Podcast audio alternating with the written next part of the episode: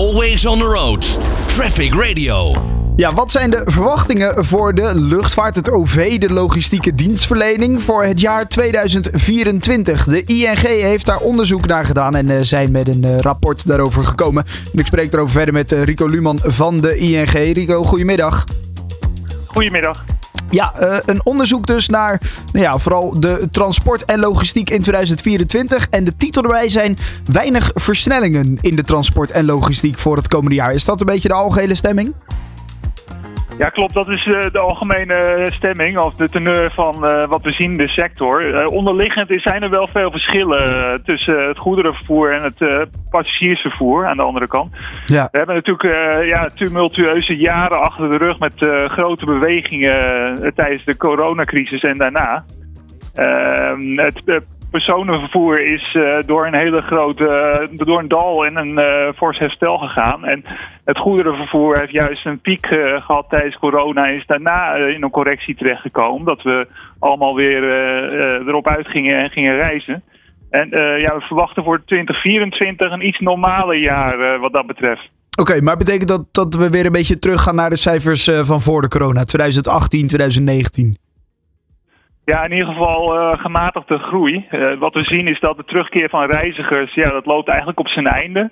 En we zien ook dat uh, aan de andere kant in de consumptie voor, aan goederen, dat dat ook weer begint op te pikken. Dus we hebben, tijdens corona hebben we gezien dat veel mensen spullen gingen aanschaffen, extra spullen voor in huis. Ja. Daarna is er een correctie gekomen uh, toen corona over was. En nu zien we dat uh, ja, mensen hun normale uitgavenpatroon weer uh, op beginnen te pakken. En ja, dat vertaalt zich ook in, in groeicijfers voor de transportsector. Ja, bijvoorbeeld voor het post- en pakketvervoer. Die, die, die worden geschat op een nou ja, 1% stijging in het komende jaar.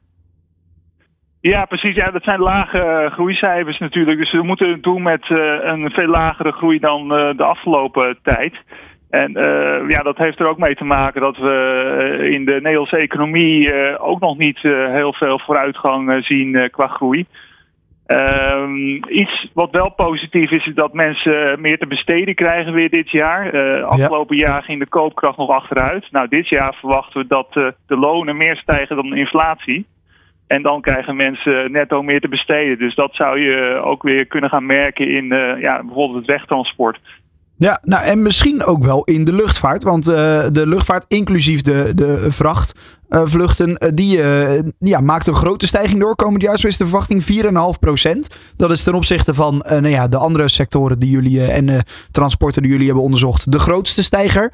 betekent dat dus dat mensen ook weer het vliegtuig in gaan stappen of zou dit vooral over goederen gaan?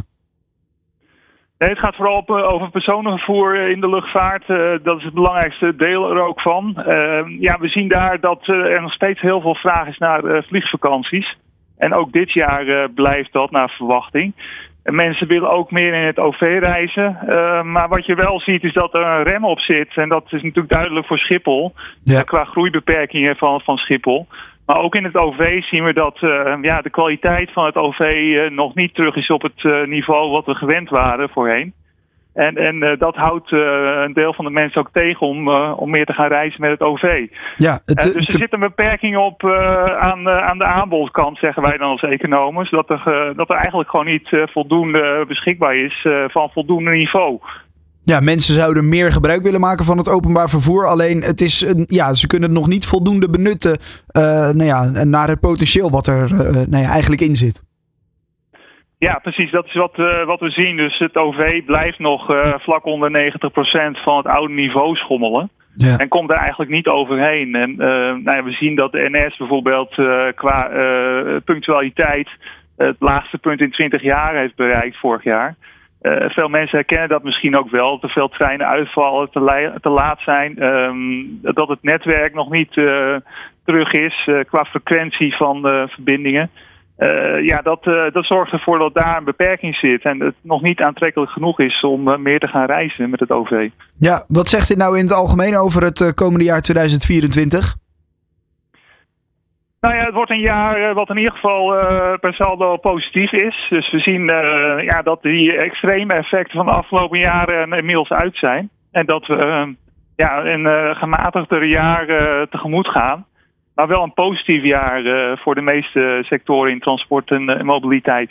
Ja, is het eigenlijk een jaar met gewoon de normale groei? Hè? Dus we hadden natuurlijk de extreme groei uh, in bepaalde uh, sectoren vanwege de corona. Uh, nou, dat, dat daalde natuurlijk ook wel weer in wat extremere mate. Zouden we kunnen zeggen dat we nu ja. eigenlijk weer gewoon in de normale nou ja, stijgingen zitten?